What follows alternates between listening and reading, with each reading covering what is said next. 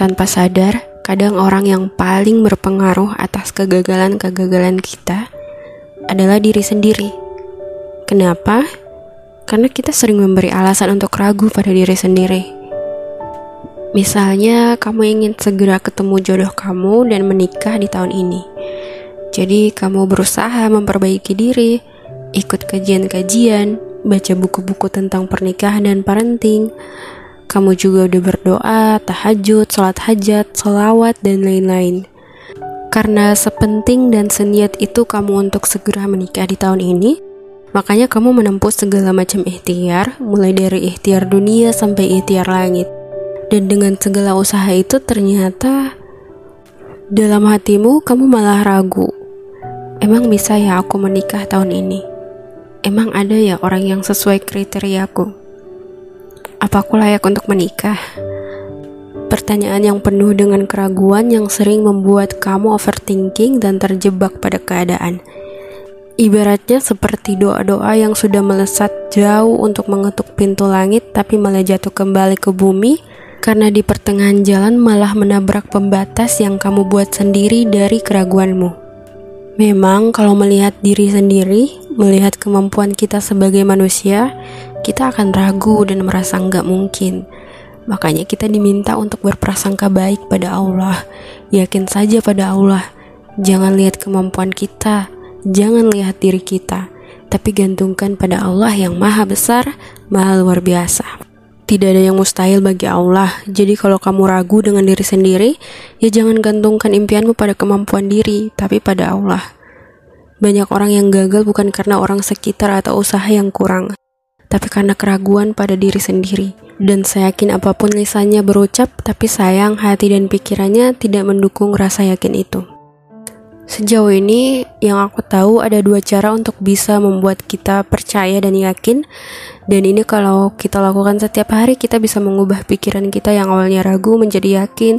Yang awalnya selalu berprasangka buruk, jadi selalu berprasangka baik. Cara yang pertama ya bersyukur. Aku udah sering bahas tentang ini dan aku juga yakin kalian sudah paham bahwa bersyukur mulai dari hal-hal kecil kalau dilakukan setiap hari bisa menarik kebahagiaan-kebahagiaan yang jauh lebih besar lainnya. Yang kedua adalah afirmasi positif. Afirmasi positif ini adalah kata-kata atau kalimat yang tujuannya untuk membangun keyakinan dan perasaan positif pada diri sendiri, atau bisa juga untuk orang lain. Afirmasi ini tujuannya untuk membantu mengatasi rasa negatif dan memperkuat perasaan positif, seperti kebahagiaan, rasa percaya diri, dan kesuksesan. Kata-kata afirmasi itu mudah banget. Misalnya, Aku bahagia dan bersyukur aku memiliki tubuh yang sehat. Aku cantik, aku berharga, dan aku penting. Aku percaya aku pasti bisa melakukannya. Aku percaya tidak ada doa yang sia-sia. Aku percaya aku layak untuk mendapatkan kesuksesan. Intinya, kata-kata yang menguatkan kita untuk yakin, dan kata-kata untuk melawan pikiran-pikiran negatif yang sudah tertanam dalam diri ini efeknya bisa luar biasa banget kalau kita benar-benar menerapkannya dalam kehidupan sehari-hari. Setiap kali ada pikiran negatif atau pikiran yang membuat kita merasa akan gagal, langsung ditepis dengan afirmasi-afirmasi positif. Dan dari sekian banyak kata-kata afirmasi positif, ada satu yang menurutku powerful banget dalam keadaan sejatuh apa pun.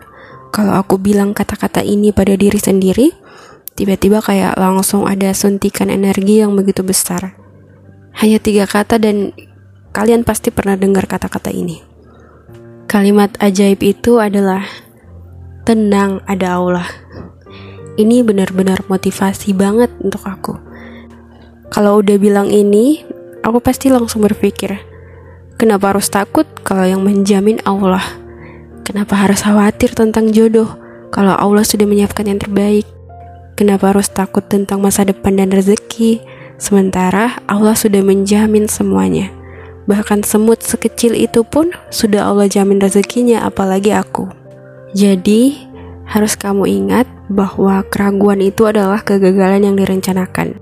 Pokoknya yakin aja, setiap berdoa pasti akan Allah kabulkan dengan cara dan bentuk terbaiknya.